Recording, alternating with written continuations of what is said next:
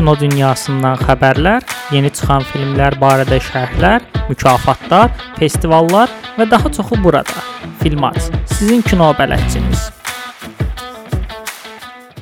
Salam əziz Filmat podkast dinləyiciləri, hər birinizi yenidən salamlayırıq. Mən Hacı və Ceylan.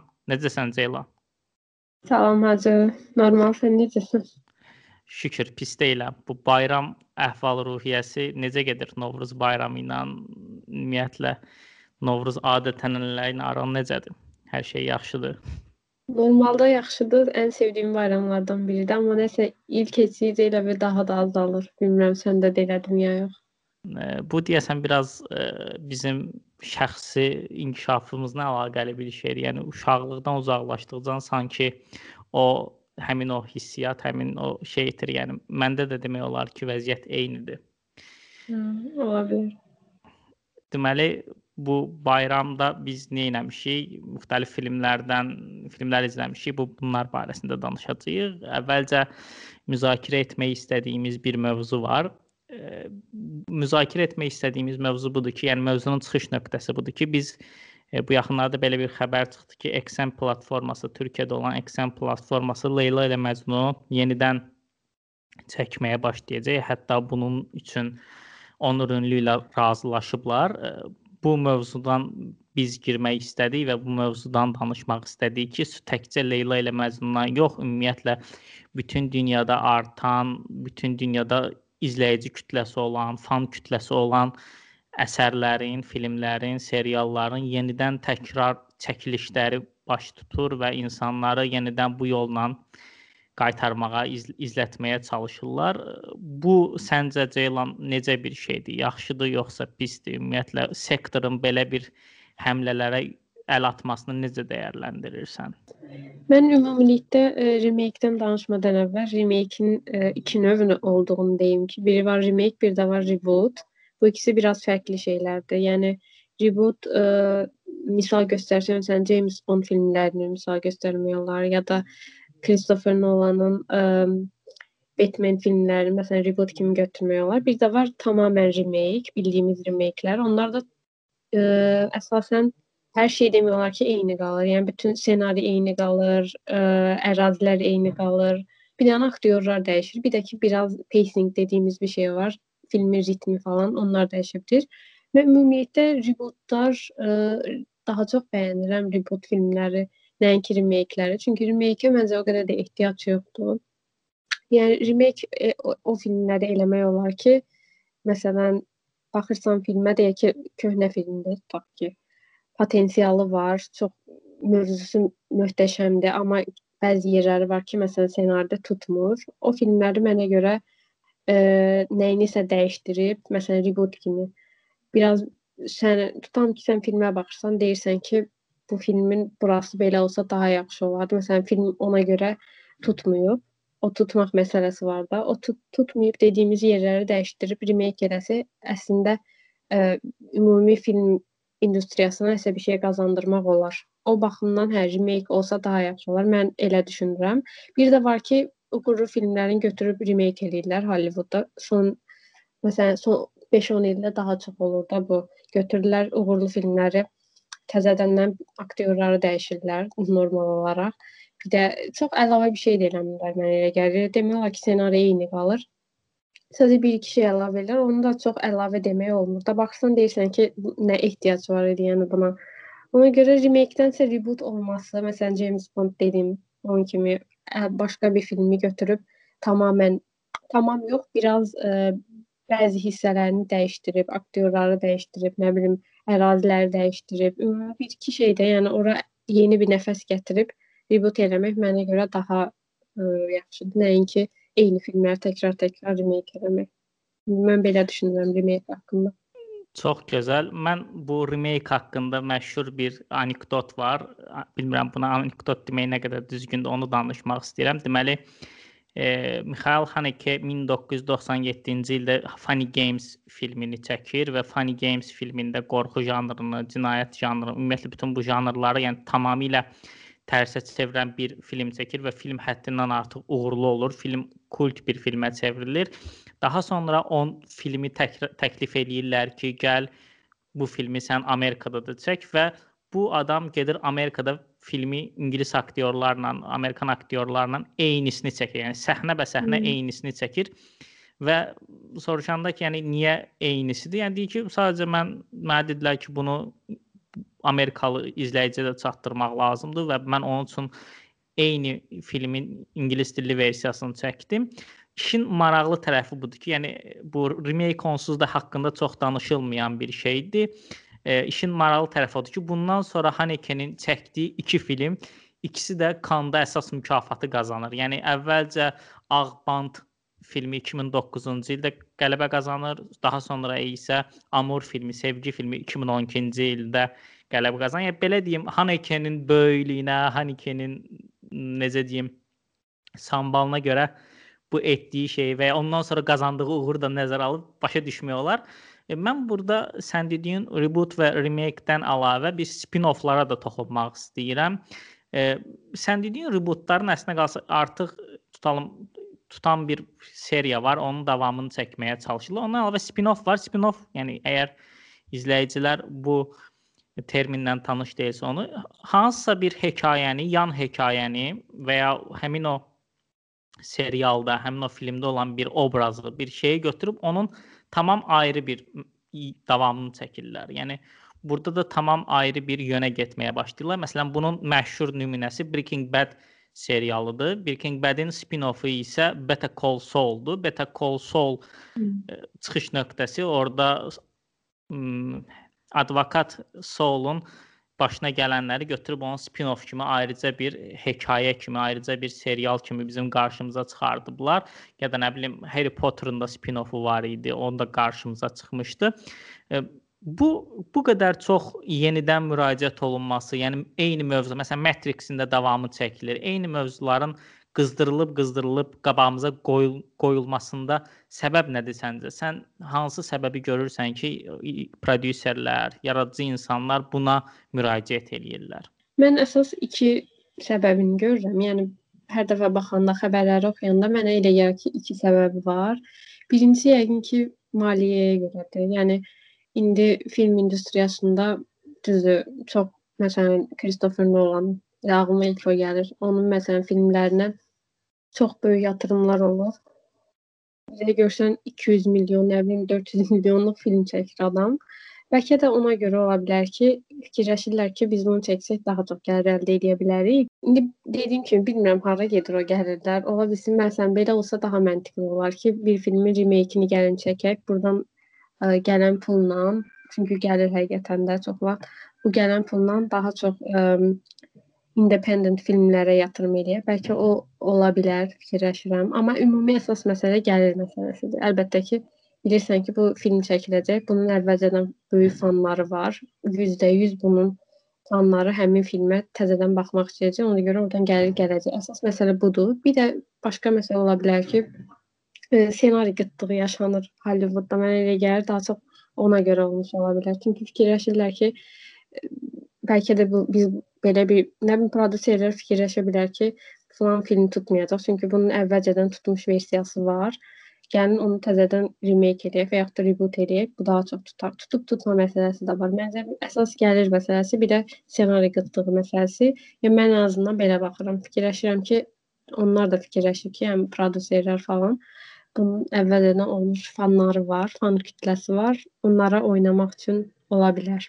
Belə başqa ağlıma gəlmir. Yəni sən nə düşünürsən? Əslində qalsa ə, e, mən də təxminən sən dediklərinlə razıyam. E, burada məncə əsas faktor budur ki, bu həmin əsərlər, həmin artıq müəyyən bir dövrdən sonra həddindən artıq çox böyük bir populyar mədəniyyətin, populyar mədəniyyətin, populyar kulturanın bir üzvü hissəsinə çevrilir və insanlar da xüsusilə də bu prodüserlər və şirkətlər də asana qaçırlar və düşünürlər ki, biz bunun təkrarını çəksək, heç bir əziyyət çəkmədən həmin bu filmi, həmin bu serialı izləyən insanlar yenidən gedəcək və bu filmi də izləyəcəklər. Düzdür, bəzən bu baş tutur, bəzən bu baş tutmur, amma hər halda açığı ssenari barəsində tam da eyni fikirdə deyiləm. Bunun, yəni ssenari qıtlığı deyəndə onsuz da e, ssenari hər zaman var. Yəni hər zaman ssenari yazırlar, hər zaman e, bu çəkirlər. Sadəcə belə deyim, bəzi anlarda, bəzi məqamlarda şey eləmək istəyirlər. E, tutan bir işi özlərini necə deyim, türklər sağlama almağa, özlərini sığortalamağa çalışırlar ki, belə bir e, belə bir şey var, biz bunu eləyək. Bir də burada mənim əsas bəlkə də Azərbaycanlı izləyicilər bunu bilmir. Bunu vurğulamaq istəyirəm ki, Amerikanlıların e, xarici dildə film izləmək problemi var. Amerikanlılar filmləri xarici dildə izləyə bilmirlər, altyazı ilə oxuya bilmirlər. Yəni onlar istəyir ki, filmlər öz dillərində olsun və altyazı oxumağa da ehtiyac qalmasın. Birbaşa baxdıqları zaman hər şeyi başa düşsünlər. Buna görə də elə biz görürük ki, bu tutan filmlər, məsələn Old Boy filmi var.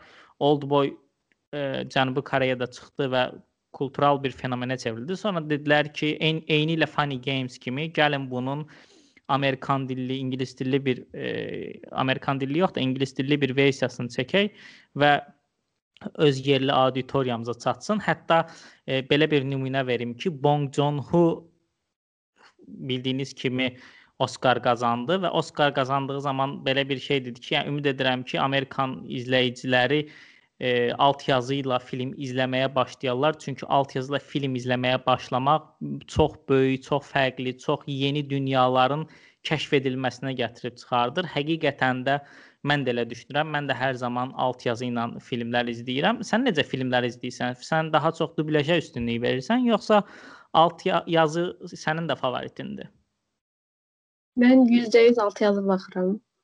Eee, ingiliscə olanlara normalda altyazı baxmıram. Amma bəzən ola bilər ki, elmi, daha çox içində elmi şeylər olan filmlərə məsələn altyazı baxmağa çalışıram. Çünki elmi ingiliscəm o qədər də yaxşı deyil. Amma belə ailə məişət mövzuları olan, yəni sadə dilli olan filmlərə alt altyazısız baxıram. Başqa da ki, onsuz da Amerikan filmlərindən, ingilis dilli filmlərdən çox mən düşünürəm ki, ə, e, Avropa filmlərinə, nə bilim Asiya filmlərinə, bütün dünyadan yəni fərqli ingilis dilindən fərqli olan, fərqli dili olan filmlərə də baxıram. Ona görə normal olaraq ingilis altyazı ilə baxıram onlara. Bir də bayaq dediyin ə, e, o altyazı söhbəti var ki, Amerikanların altyazı ilə filmlərə baxması. O deyəndə mənim yadıma gəlmədi. Çox əla bir şeydir. Həqiqətən mən də elə düşünürəm. O ə, e, Bong Joon-ho'nun dediyi ə, həmin şeylə də razıyam. Yəni o yadıma gəlir, o qalib gələndə dediyi həqiqətən maraqlı gəlmişdi ona da ki, doğrudan da belədir. Yəni Amerikanlar alt yazı ilə demək olar ki, filmlərə baxmır. Yəni çox belə konformist adamlar otursunlar ancaq öz dillərində baxsınlar. Biraz alçaldıcı ola bilər, amma belədir həqiqətən də. Bir də bayaq ssenari dedim ki, ssenari qıtlığı. Orada tam olaraq onu nəzərdə tutmamışdım. Yəni ssenari qıtlığı deyəndə ssenari yoxdur deyil. Sadəcə Hollywoodda mənə elə gəlir ki, mən yəni araşdırmalarımda belə nəticəyə gəlmişəm ki, prodüserlər çox vaxt ə, fərqli ssenarilər çox oxumurlar. Yəni onlara ya necə deyim, əvvəlcədən tutan belə deyək ki, əvvəlcədən təcrübəsi olan rejissorlar və yaxud da ssenaristlərin ssenarilərini daha çox oxuyurlar. Bir də ki, bizim bildiyimiz təzə-təzə ssenarilər ki var, məsələn, remake olmayanlar tutaq festivallar, film festivalları.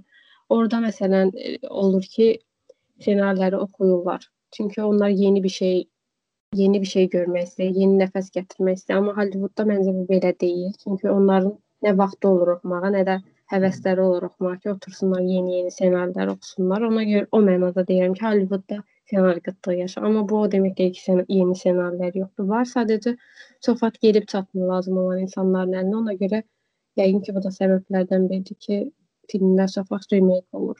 Otururlar, fikirləşirlər ki, bu əvvəlcədən tutub, gəlin bunu bir də məsələn Old Boy misal göstərdim ki, Amerikan versiyasını çəkək və yaxud da 50-60 il bundan qabaq bir film var idi. Çox indi kult olub, gəlin bunu bir də təzədən çəkək, yeni nəfəs gətirək. Belə yəqin ki, ona görə ümumi, yəni belədir ilə bağlı düşüncələrim. Əla. Bu bu barədə, bu mövzu barədə e, fikirlərimizi bitirdiksə, bu dəfə e, əvvəlki buraxılışlardan fərqli olaraq ortaq izlədiklərimiz, yəni birlikdə izlədiyimiz filmlər var. Yəni fərqli filmlər də var, amma ortaq izlədiyimiz filmlər var. O filmlər barəsində danışacağıq ki, daha interaktiv qarşılıqlı film barəsində öz düşüncələrimizi bölüşəcəyimiz e, filmlər olsun. E, istəyirsənsə ilk öncə sən öz seçiminlə başla, daha sonra yenə mən danışaram, qarşılıqlı bir şəkildə davam eləyərik. Hmm. İlk filmim Goodbye Lenin filmidir. 2003-cü ilin filmi. Sən də baxmısan onu demişdik. Ee, ümumi filmin mövzusunu deyim ki, çox maraqlıdır. Mənə mən filmə bilmirəm niyə bu qədər gec baxmışam, amma filmin mövzusu həmişə maraqlı gəldi. Sadəcə nəsə ertələyirdim yenə həmişə kimi. Ümumi mövzusu budur ki, e, Amerika, e, üzr istəyirəm, Almaniyanın e, 1990-cı illərdə, 80-ci illərdə olan o Berlin divarının yıxılmasını bəhs edir ümumi. Tam olaraq mövzu o deyil. Orada Almaniyada Alex adında bir oğlan olur, gənc oğlan. Həmin oğlanın anası ə, e, oğlanın, yəni oğlunun protestolarda iştirakını görür. Sos onlar sosialist olurlar. Ə, e, elə bir Şərqi Almaniyada olduqlarına görə, Şərqi Almaniyada Sovet ə, e, sosializm olduğuna görə ə, orada protestolar olur. Protestoda oğlunu görür və birdən ürək tutması yaşayır, sonra komaya komada olur qadın. Ə, ümumi ondan bəhs olunur ki, həkim Aleksə deyir ki, sənin anan ikinci dəfə ürək tutması yaşasa əgər ölə bilər. Ona görə çalışın ona e, hər şeyi yavaş-yavaş izah edin. Çünki hardasa 8 ay komada qalır. Ümumi e, oğlanın eləmək istədiyi budur ki, anasına e, bu Berlin divarının yıxılması, sonra kapitalizmin Şərqi Almaniyaya gəlməsi, ümumi Almaniyanın birləşməsini yəni yavaş-yavaş həzm eləyə həzm eləyə desin, amma biz görürük ki, filmdə Aleksin eləmək istədiyi bundan tamam fərqlidir. Yəni heç həzm elə həzm eləyə eləyə demir onu. Çalışır ki, anası ə, bunu mən öyrənməsin, yəni. Çünki ola bilsin ki, öyrənəndə bir təzədən ürək tutması olar və ölər. Anasını itirmək istəmədiyi üçün ona yalanlar danışır. Çox maraqlı şəkildə e, sen, rejissor olan bir dostu var. Daha doğrusu rejissor olmağa çalışan bir dostu. Onunla e, yalancı xəbər verilişləri aparırlar. E, yəni bildiyin anasını e, elə bir mühitdə yaşatmağa çalışır ki, güya hələ ki Berlin divarı sökülməyibdi. Hələ də Almaniya e, sosial Almaniyada sosializm var. Ümumiyyətlə e, kapitalizm hələ ki, ümumən kapitalizm hələ ki gəlib Şərqi Almaniyaya çatmayıb. Hər şey əvvəlki kimi. Ümumi mövzu budur. Mən bu filmi e, mən bu filmi təxminən e, kino, yəni ciddi mənada kinolara baş, baxmağa başladığım zamanlarda izləmişdim. Yəni Bu da hardasa təxminən 2013-cü ilə təsadüf eləyir. 2013-cü ildən etibarən mən ə, e, davamlı olaraq filmlər izləyirdim. Yəni ona qədər də izlədiyim filmlər var idi, amma ə, e, ciddi mənada yox. Bu filmin izlədiyim zaman ə, e, həqiqətən mənə çox maraqlı gəlmişdi. Yəni bir oğlun öz anası üçün belə bir fədakarlıq eləməsi və sanki onun üçün hər şeydən keçməyə hazır olduğu, bir tərəfdən isə o həmin o sosialist divarın yıxılması, ümumiyyətlə o insanların o keçid dövründə yaşadıkları problemlər, insanların xəyallarının yox olması və bundan əlavə bu filmin belə bir maraqlı tərəfi var ki, bu film Azərbaycan gəncliyi arasında da çox geniş sevilən və izlənilən bir filmdir. Yəni bunda təbii ki, Yan Tersenin böyük rolu var, onun musiqisinin böyük rolu var. Bilmirəm, Sovet teması, sosialist teması olduğu və biz də həmin o keçid dövrünü keçdiyimiz üçün bizə də çox yaxın olduğu üçün e, bunu bəyənən insanlar var e, və həddindən artıq, yəni hələ də görürük yəni məsələn sən deyirsən ki, mən bunun ha haqqında eşitmişdim və təzəlicə izlədim. Yəni düşünürəm ki, bizim bu danışdığımızdan sonra da e, maraqlı gəlib, mövzusu maraqlı gəlib izləmək olan izləmək istəyənlər tapılacaq. Çünki ortaq cəhətlərimiz məncə həddindən artıq çoxdur. Sən necə görürsən ortaq məqamları?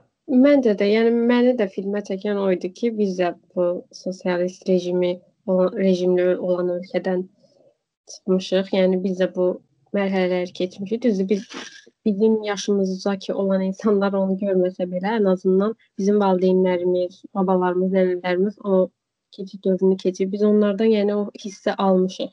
Hələ də bizə e, SSR-nin mənə elə gəlir ki, izləri qalıb. Ona görə mənə elə gəlir ki, bizdə həqiqətən o filmə filmə qarşı həmin o bağlılıq var. Əsas bizi çəkən odur. Yəqin ki, elə həqiqətən filmi filmin daha çox izlənməsinə ölkəmizdə izlənməsinə səbəb elə budur.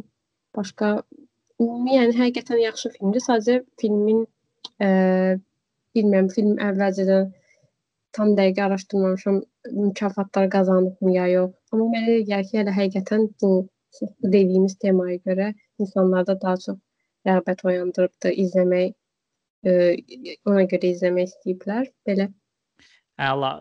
Bu Goodbye Lenin-i bitirdiksə, yəni Lelna əlvida elədiksə, keçirəm növbəti filmə. Mənim bu dəfə danışmaq istədiyim film səninlə qarşılıqlı olaraq Revolutionary Road filmidir. Sam Mendes-in 2008-ci ildə çək çəkdiyi bu film. Bu filmi mən e, daha çox nə vaxt eşidirdim? Marriage Story filmi 2019-cu ildə Netflix-də göstərilməyə başlamışdı və Revolutionary Road filmi ilə oxşarlıqlar olduğu deyilirdi. Mənə də maraqlı qalmışdı bu. Bayramda fürsət oldu, mən bu filmi izləyə bildim. E, açığı Marriage Story ilə müqayisə etdiyimiz zaman bu filmin e, o dərəcədə yaxşı bir film olmadığını düşünürəm. E, filmi izlərkən həmin o ailə daxili sıxıntıları, insanların içində düş düşüb qaldığı ə, sıxılmışlıq vəziyyətini hiss eləyirdim, başa düşürdüm, amma mən belə düşünürəm ki, Marriage Story-də e, ailə daxili o insanların psixoloji vəziyyəti e, çox daha yaxşı göstərilib. Revolutionary Road filminin qısaca sinopsisini bunu deyim ki, e, evli olan insanlar var. Tipik bir Amerikan orta sinif ailəsidir. Bu insanlar e, həyatlarını yaşayırlar, amma bir də gün anlayırlar ki, yaşadıkları həyat əslində arzuların arzusunda olduğu həyat deyil və həyatdan nə isə dəyişmək lazımdır və bunun üçün planlar qururlar və sonra e, bu planlar nəticəsində hadisələr inkişaf etməyə başlayır və müxtəlif şeylər olur. Bu filmin məncə e, ən belə diqqət çəkici tərəfi filmin baş rollarında Leonardo DiCaprio ilə Kate Winslet-in oynamağıdır. Ümumiyyətlə Leonardo DiCaprio-nu mən harda görürəmsə, sevinirəm. Çünki Leonardo DiCaprio-nun seçdiyi filmlər demək olar ki, zəif film olmur. O hər zaman çalışır ki, karyerasına xüsusi diqqətlə yanaşsın, xüsusi rejissorlarla işləsin və karyerasına baxdığımız zaman həqiqətən də görürük ki, müəyyən bir dövrdən sonra 90-ların ortasından bəri adamın ümumi filmoqrafiyasında zəif film tapmaq müşkül məsələdir. E, buna görə də sırf Revolutionary Road filminin izlənməyə dəyər bir film olduğunu deyirəm, amma düşünmürəm ki, insanlar e, belə dəhşətlə çox gözləntiyə qapılsınlar. Ümumiyyətlə, amma sizə insan münasibətləri maraqlıdırsa, insanlar arasında olan münasibətin dinamikası maraqlıdırsa, şəxsi düşüncələri maraqlıdırsa, bu film sizə maraqlı olar. Sən dedin ki, bu filmi daha əvvəl izləmisən. Sənin xatirində qalan nədir film barəsində? Ümumiyyətlə film barəsində dinləyicilərimizlə nə bölüşmək istəyərsən? Film e, sən şey e, Marriage Story ilə müqayisə elədim. Mən ona tamam əksini düşünürəm. Revolutionary Road mənə daha əziz gəlir, nəinki Marriage Story. Çünki bilmirəm, yəni bəlkə də əks elətdirdiyi ilə görə ola bilər. Çünki Marriage Story biraz daha müasirdir, son illərin filmidir. Həm də elə səhv eləmirəmsə, elə son illərdəki olan münasibətlərdən, yəni daha müasir münasibətlərdən də bəhs edir. Amma e, Revolutionary Road 1950-ci illərin e, Amerikasını, Amerikan xəyalını əks etdirdiyi üçün o mənə daha əziz gəldi. Bilmirəm nəyə görə. Amma həm də yəqin ki, Leonardo DiCaprio mənim uşaqlıq sevgilim olduğuna görə, bəlkə ona görə də ola bilər. Çox onun mən aktyoruğu, Kate Winslet'in aktyoruğu ümumən möhtəşəm idi. Düzdür, Marriage Story-dəki aktyorluq da əla idi, amma Revolutionary Road elə bir daha doğrusu Marriage Story daha belə elə bir iki ə, arasında olan o münasibətlər ki var, o elə bir Netflix filmindən çıxmış bir münasibət kimi gəlmişdi mənə biraz daha çox. Amma düzdür, aralarındakı söhbətlər daha belə ə, e, dərin olsa da Revolutionary Road elə bir daha çox insani kimi gəldi mənə. Bilmirəm, daha köhnəmi olduğuna görə, yoxsa mənim düşüncələrimin köhnə olduğuna görə bilmirəm. bu, bu filmi daha çok beğenmiştim. Bir de e, demək istədiyim bu əsas başroldakılardan, yəni əsas personajlardan əlavə orada John adlı personaj var idi. Yadımdadır, onun çox maraqlı söhbətləri var idi. Düzü bizə biraz e, bizə deyəndə ki, ümumən onsuz da mental e, problemi olan insan idi, amma mənə elə gəlir ki, filmin filmdə də açar rolunu oynayırdı. Nəyə görə deyirəm? Çünki bizim bu əsas personajlarımız Amerikan xəyalı ilə yaşayan, nə bilim, Amerikan xəyalını Parisə köçürtmək istəyən, Parisdə güya ki mükəmməl həyat quracaqlarını düşünən insanlar olsa da, həmin o John xarakteri, personajı onların elə bir o xəyallarını yerlə bir eləmişdi. Onların yemək yemək süfrəsində olan bir səhnələri var, yadındadsa. Orada John tamamilə belə düzdür, yəqin ki, əqli problemi olduğuna görə elə davranmışdı, amma konkret olaraq, yəni problemi elə bil onun düz düzgün olanı ifadə eləmək, düzü demək idi. Birbaşa düz fikirləşdiyi, düzgün olan şeyi onların elə bil üzlərinə şillə kimi vurmuşdu. Onların tamamilə bütün xəyalları yerlə bir olmuşdu. Məncə açar rol oynayırdı onun personajı. Çünki o personaj olmasaydı fikirləşirəm ki, onlar hələ də özlərini yalandan nə qədər problemləri olsa da fikirləşəcəklər ki, hə biz bunun üstəsindən gələ bilərik, bu problemləri kənara qoya bilərik. Halbuki onların arasında olan problem əslində problem yox idi. Çünki hər şeyi onlar özü elə bir problemlə problemə çevirməyə çalışdılar. Problem yox da ə, fikirləşirdilər ki, biz mükəmməl bir həyat qura bilərik. Halbuki onların tam olaraq məqsədimi deyim, %100 konkret xəyalımı deyim, yox idi ortada. Sadəcə gələcəyə baxırdılar, fikirləşirdilər ki, hə, gələcəkdə belə ola bilər, elə ola bilər. Amma konkret bir xəyalları yox idi. Bu da dediyim kimi o Can John personajı ki var, onların ə, əslində içlərində nə hiss eləməli, hiss etdiklərini ortaya çıxartmışdı. O çox yaxşı səhnə idi. Həm də ümumi personajı da çox bəyəndim. Yaxşı açar rol oynayan bir personaj idi. Belə ümumilikdə filmi həqiqətən bəyənmişdim. Yaxşı idi. Mən sənə qatılıram. Bu Revolution Road-da həqiqətən də John obrazı çox maraqlı və çox orijinal bir obrazdır və o ə, hər nə qədər ona insanlar desə ki, bu insanın əqli problemlər var, həqiqətən də bütün hər şeyi çılpaqlığı ilə deməyi bacarırdı. Digər tərəfdən isə bu filmin əsas məsələlərindən biri o idi ki, bu filmdə mən düşünürəm ki, daha çox kişini belə e, günah keçisi kimi göstərirdilər. Yəni təbii ki, yəni qurulan hekayə bu idi. Onsuz onsuz da bu tələb olunurdu, amma digər tərəfdə məsələn Marriage Story-də e, hekayə elə qurulmuşdu ki, obrazda elə tanıdılırdı ki, gah o yana, gah bu yana gedib gəlirdi və bunun nəticəsində də e, biz kimin tərəfini tutmalı olduğumuzu bilmirdi. Yəni tam e, neytral bir mövqedə mövqedə formalaş dayanırdıq. E, beləliklə bu filmi də məncə bitirək və digər bir filmə keçək. E, sən ikinci filmin hansıdır? Aha, mənim ikinci filmim The Host filmidir. Bu da Cənubi Koreya filmidir. Elə bayaq danışmışdıq. Bong Joon-ho'dan onun filmidir. Deməli, ümumi film 2006-cı ildə çəkilib. Filmin ümumi mövzusu monster filmidir. Yəni canavar filmi belə desək, amfibiyan bir canavar var. O, o əsas onun hekayəsi üzərinə qurulubdu. Deməli Cənubi Koreyada 2000-ci illərdə ə, e, elə bir şey olur ki, filmin başlanğıcında da ilk səhnəsindən biz görürük ki, deməli bir ə, e, Amerikalı elm adamı olur. Həmin Amerikalı elm adamı ə, kimyəvi maddə tökür, onların xan çayı olur. O elə Cənubi Koreyada həmin bizim əsas filmimizin getdiyi hadisələrin baş verdiyi bölgədə olan çaya kimyəvi maddə axıdır. O kimyəvi kimyəvi maddədən bir canavar əmələ gəlir, amfibiyan canavar. O əsas gəlir o şəhərə, şəhərdəkiləri yavaş-yavaş başına oyunlar açır, nə bilim kimlərsə oğurlayır, yeyir, nə bilim gətirir, dustaq eləyir. Öz onun xüsusi kanalların altında bir bölgəsi var orada. Ümumi mövzu budur. Bir də ümumi mövzudan, yəni əsas personajlara deyim ki, əsas personajlar bir ailədir. Ümumi park ailəsi var. O park ailəsinin balaca qızları olur. O həmin qıza uğranması ilə başlayır hadisə. Gəlir şəhərə birdən və oradan bir neçə insanı götürüb aparır. O insanların arasında da park ailəsinin balaca üzvü olur. O həmin ümumi mövzu budur. Bir də bu ailə çalışır ki, intiqam alsınlar həmin canavardan başlayırlar yavaş-yavaş plan qurmağa ki, gedək qızı belə qurtaraq. Heç həyatda qaldığını belə bilmirlər. Film ümumi filmi çox bəyəndim.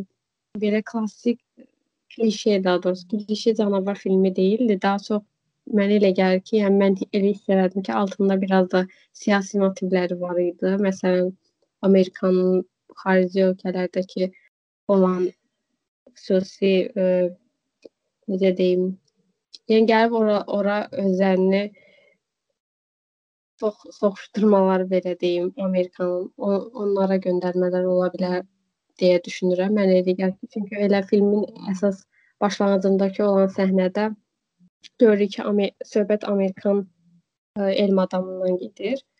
Ümumi filmi çox bəyəndim. Yəni filmin ə, ümumi film 50 il sonra belə yadımdan çıxsa, yadıma gəlir ki, orada bir səhnə var. O, o səhnə heç vaxt yadımdan çıxmaz. Çox belə həm komediya, həm dram, həm nə bilim bütün elə bir janrların birləşməsi idi. Çox gözəl səhnə idi. E, sən də baxmısan, yadındadır. Orada filmin başlanğıclarında belə bir səhnə var ki, onları dövlət karantinə alır, ailələri bütün bütün deyəndə ki, həmin bölgədə olan ailələri karantinə alırlar. O karantində həmin o itən balaca qızın şəkli də orada olur. Ailə gəlir o şəklin qabağında hə, ağlayırlar. Çox belə bilmirəm o səhnəni necə ifadə edeyim.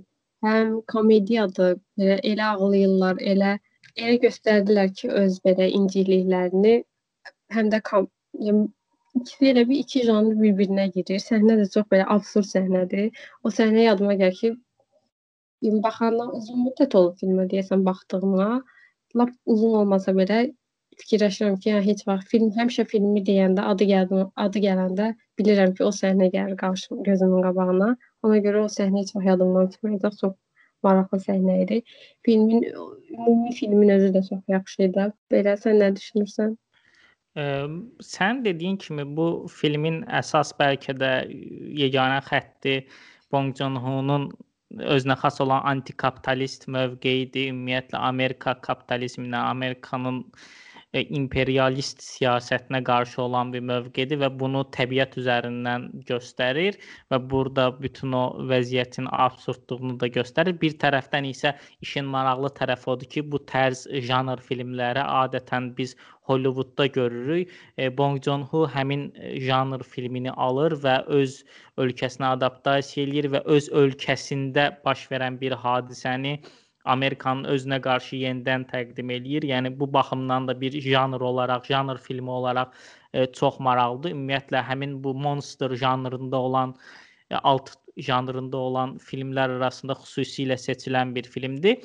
E, belə ümumilikdə biz Bong Joon-ho filmlərinə baxsaq, biz görürük ki, onun filmlərində adətən e, janr filmləri üstünlük e, təşkil eləyir. Bunun səbəbi də odur ki, o həm izləyicini tutmaq istəyir, istəyir ki, izləyiciləri çox izləsin, çox insan izləsin və həm də digər tərəfdən həmin o janrın spesifik xüsusiyyətlərini alaraq janrı yenidən yaratmaq, janrı yenidən formalaşdırmaq kimi arzusu var və The Host filmində də bunu məncə kifayət qədər yaxşı etməyi bacarıb. Mənə qalsa, yəni Bong Joon-ho e, karyerasında Bong Joon-ho'nun çəkdiyi filmlər arasında məsələn ilk 3-dədirmi deyə düşünsəm, mənə görə ilk 3-də deyil.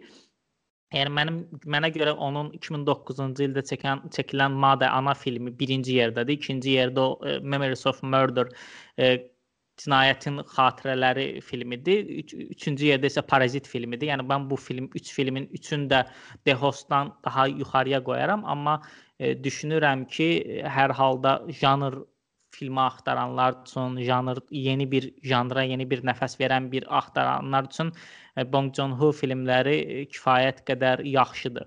Bir də deyəndə ağlıma şey gəldi bu Amerika haqqında. Amerikanın xarici ölkələrlə olan münasibət haqqında belə filmin sadəcə ilk səhnəsində yox, bir neçə səhnəsində, demək olar ki, orta ortalarında, bir də sonun sonlarına yaxın səhnələr vardı ki, orada da onları görmək olar. Yəni sırf bir səhnədən yola çıxıb bunu demirəm. Hardasa filmin ortalarında bir səhnə var idi ki, telev televiziyalarda, yəni televizorlarda Amerikan bir ölkədə belə bir hadisə baş verərkən Amerikan əskərinin qolunu itirməsi barədə bir səhnə var idi. Məsələn, o səhnə də mənə görə çox yaxşı idi. Ümumi filmin elə kontentinə də uyğun gəldi ki, nəyə görə ölkədə bu qədər belə bir böyük sensasiya baş verərkən əsas xəbərlərdə Amerikan əskəri göstərilir. Özü həyatını itirmiş, yox, qolunu itirmiş bir Amerikan əskəri.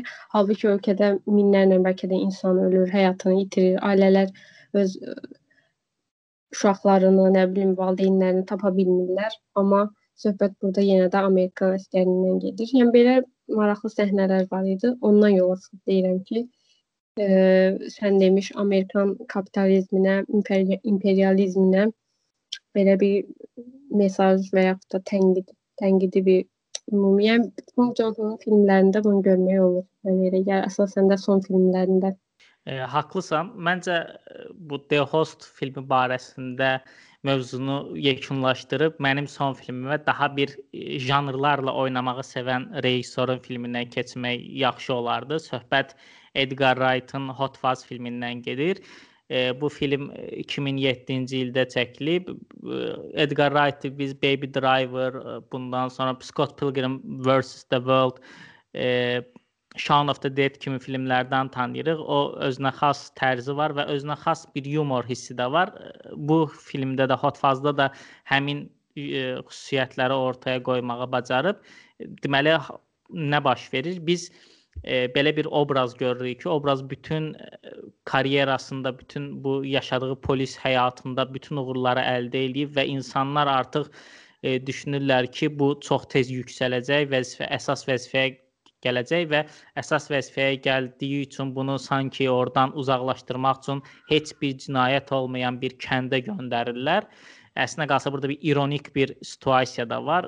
Adətən biz görürük ki, tutalım hansısa bir uğursuz polis olur. Əslində o uğurlu da amma qazandığı travmalara görə uğursuz olub, sonra o böyük bir şey e, edərək yenidən uğur qazandığını görürük Hollywood filmlərində. Edgar Wright isə bunu tamamilə tərsinə çevirib çox uğurludur və çox uğurlu olduğu üçün uğursuz bir işə verirlər. E, təbii ki, burada gedəndən sonra məlum olur ki, bu kənddə, bu şeydə baş verənlər əslində göründüyü kimi deyilmiş. Burada e, cinayətlər olurmuş, burada müxtəlif hadisələr olmuş və bu e, həmin bu polis də bunu həll eləməyə, bunu çözməyə çalışır. Ümumilikdə filmin e, detallarına çox da girmək istəmirəm, amma mən ümumi Edgar Wright-ın yaradıcılıq stilistikasından danışmaq istəyirəm ki, onun özünə xas bir sürətli montaj həlləri var ki, çox e, maraqlıdır. Bundan əlavə hadisələri özünə xas şəkildə keçid verməyə bacarır, zamanda xüsusilə oynamağı, ümumiyyətlə hadisələri gözlənilməz macəralara aparmağı bacarır və dediyim kimi filmin içində oynadığı kimi janrlar arasında da oynayır. Məsələn, Shaun of the Dead onun 2004-cü ildə çəkdiyi Shaun of the Dead e, burada tamamilə götürüb qorxu janrını bir komediyaya çevirir və qorxu janrının yenidən təkrarını yaradırmış kimi olur. Hot Fuzz-da da bu uğurlu polis, uğursuz polis söhbətini götürür və yenidən yaratmağa başlayır. Sən həmin film barəsində nə düşünürsən? E, bu film yoxsa Shaun of the Dead? E, Hot Fuzz barəsində.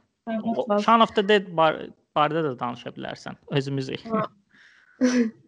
Ümumən bu trilogiyadır, Cornetto trilogiyasıdır. Buna yadıma gəlir. Hot Fuzz elə ilk dəfə baxdığım e, bu trilogiyanın yəni ilk baxdığım film idi. Biraz onlar baxmışam uzun müddətdir. Amma film tam tam yadımdan çıxmıyor əlbəttə ki, çox yadımdadır. Özü bu filmdən sonra yadıma gəlir mənim ə, qorxu komediya janrına qarşı belə içimdə bir sevgi oyanmışdı. Çünki ondan əvvəllər həm çox baxmamışdım, həm də baxdıqlarım o qədər də bilmirəm bəyənməmişdim. Yəni mənə təsir eləməmişdi. O hissləri keçirə bilməmişdim. Amma bu filmdən Hot Fuzz-dan sonra yadıma gəlir ki, həmin bu janra demək olar ki, aşiq oldum. Ondan sonra növbəti filmlər elə bu Cornetto Cornetto trilogiyasının digər filmləri oldu. Elə Shaun of the Dead. E, ikinci filmi də elə oydu, ona baxmışdım. E, ümumi filmin e, sən elə onsuz da danışdın əsas hekayəsini. O barədə danışmaq istəmirəm, amma Edgar Wright-ın ümumi elə həqiqətən bu editing söhbəti var ki, onda həqiqətən uğurlu alınan bir şeydir. Filmlərin çoxunda da görmək olur. Elə bu trilogiyanın bütün filmlərində ə, həmin o editing stilini görmək olur. Mənim də çox xoşuma gələn bir şeydir. Çünki filmin o pacing dediyimiz şey ki var, ritmi həqiqətən filmin ümumi mövzusuna da uyğun gəlir. Yəni baxırsan heç heç bir şəkildə sıxıla bilmirsən, filmdən bir boşluq tapa bilmirsən Ona görə ümumi bu trilogiyanı da çox bəyənmişəm. Elə bu filmi də çox bəyənmişdim. Trilogiyanın amma ən sevdiyim filmi Son of the Dead idi. Bir də The World's End var. O, onu mən demədim. O da çox yaxşı filmdir. Ümumi trilogiya mö möhtəşəmdir. Yəni bu bu janrın bəlkə də mənim ən sevdiyim filmləri ola bilər. Belə o qədər. E, çox sağ ol. Bir də, bir də üzr istəyirəm. E, bu film haqqında yadıma gəlir ki, belə bir şey oxumuşdum ki, deməli məşhur bir ə, tənqidçi var, yəqin ki, tanıyırsan, Roger Ebert var. O həmin onun bir yazdığı bir kitab var. Hollywoodda olan filmlərdəki olan klişelər haqqında bir kitabı var idi. Bu filmi də çalışıblar ki, Simon Pegg-ilə Edgar Wright yazıb baxın bu filmi. Bu filmi yazanda çalışıblar ki, filmin içində demək olar ki, bütün səhnələr klişe səhnələr olsun. Yəni belə bir maraqlı bir şey oxumuşdum. Həqiqətən də elə idi. Yəni klişe Hollivooddakı olan o klişe səhnələr ki var, komediya filmlərində və yaxud da polisi olan filmlərdə məsələn onlara çox qəşəng göndərmələr ediblər. O klişelərlə çox qəşəng bir komediya yaradıblar. O bəyənmişdim yəni bu hissəsini. Aha, bu stilistik olaraq da, yəni parodiya və pastiş sayılır. Bu parodiya eləyirlər. Həmin o filmləri götürüb yenidən parodiya edib yeni mənalar yaradırlar. Bu biraz postmodern e, söhbətlərdir. Yəni postmodern filmlərdə olan şeylərdir. Edgar Wright da görünür ki, bunu çox sevir. E, məncə biz kifayət qədər 4 filmimiz barəsində də bu həftəki mövzumuz barəsində də ətraflı danışdıq. E, ümid edirəm ki, dinləyicilərimizə də maraqlı oldu. De, mənim deyəcəklərim bu qədər idi. Ceylan, sənin nəsə əlavən varsa buyur. Mənim əlavəm bir dənə xəbər eşitmişdim, tez onu qısa deyim, Oscarla bağlı. Deməli Golden Globes yadındadırsa, Zoom Zoom-la, yəni onlayn şəkildə keçirilmişdi. Mükafatları elə almışlar, amma belə bir xəbər oxudum ki, Oscarda bu belə olmayacaq. Necəsə ona bir çözüm tapacaqlar və e, mükafatları alan insanlar canlı şəkildə alacaq. Yəni Zoom-dan onlayn bağlantı ilə almayacaqlar. Bunu dedim deyim xəbər kimi. Məncə ənənənin davam etdirilməsi üçün çox yaxşı bir fikirdir. Yəni bunu əgər həqiqətən də təhlükəsiz bir şəkildə həll edə bilsələr, maraqlı olar. Ümid edirəm ki, seçdiyimiz filmlər bu dəfə yəni daha yaxşı deməyim, sadəcə interaktiv olması üçün bunları seçdim. Ümid edirəm daha yaxşı interaktiv bir bölüm alındı. Belə. Bizi dinləyənlərə də öz minnətdarlığımı bildirirəm. Hələlik bu qədər. Daim filmlə qalın. Sağ olun. Hələlik. Bye.